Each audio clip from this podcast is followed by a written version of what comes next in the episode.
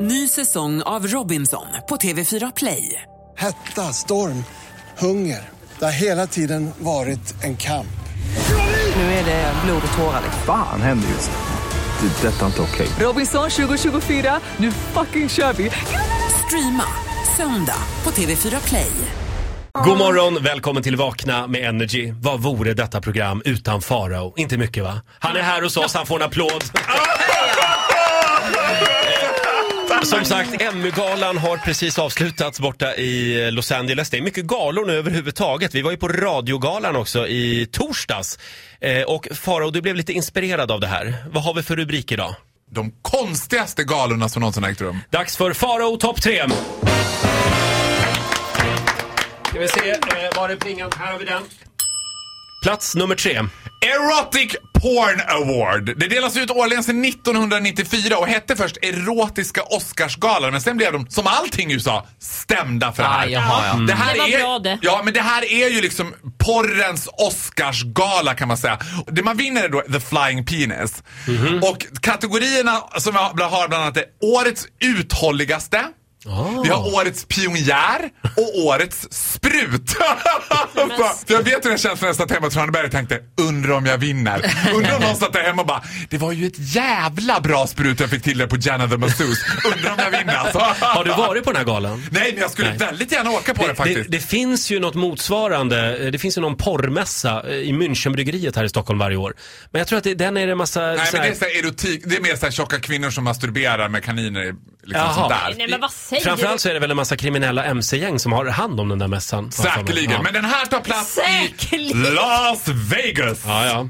Plats nummer två. Vad har vi där? Årets skämmeskudde. Den här galan går av stapeln dagen innan TV-kristallen och utnämner helt enkelt årets sophink kan man säga. Eller det är den största Mm. skämmeskudden. Vem vann i år? Ja, inte helt oväntat kan man säga att storslammet kammades hem av Malou von Sivers. I hela tre kategorier vann Malou för bland annat årets programledare, årets livsstilsprogram och årets meltdown för hennes broccolilåt. Broccoli, varför då? Broccoli, varför Ja, då? den finns på YouTube den här Ja, låten. den finns på Ja. YouTube.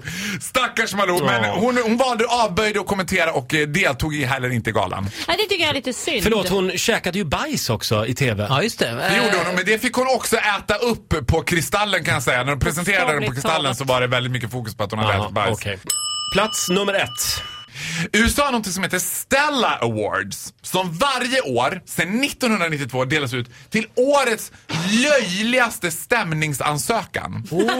Och det här priset är döpt efter Stella Liebeck som 1992 stämde McDonalds på, lyssna här, 2,9 miljoner US dollars för att hon spillde kaffe på sig själv. Ja, och brände sig. Ah. Hon brände sig lite illa, blev lite svettad på handen sådär och fick 2,9 miljoner dollar som Herregud. kompensation för Det det är här. tack vare henne som det står eh, att det är varmdryck på plastlocken till kaffemuggar och så. Ja, Sänds den i TV den här galan? den här sänds absolut i TV i USA. Den, eh, svenska TV-kanaler har inte köpt in rättigheterna till den än, men vi har inte sett slutet Nej. på detta. Ja, det var tre eh, väldigt annorlunda galor. Eh, nu säger vi tack så mycket för den här morgonen Faro. Tack själva! Du får en applåd av oss. Hej då!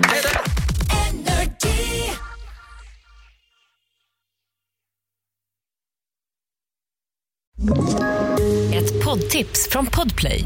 I fallen jag aldrig glömmer djupdyker Hasse Aro i arbetet bakom några av Sveriges mest uppseendeväckande brottsutredningar. Går vi in med hemlig telefonavlyssning och, och då upplever vi att vi får en total förändring av hans beteende. Vad är det som händer nu? Vem är det som läcker? Och så säger han att jag är kriminell, jag har varit kriminell i hela mitt liv men att mörda ett barn, där går min gräns. Nya säsongen av Fallen jag aldrig glömmer på Podplay.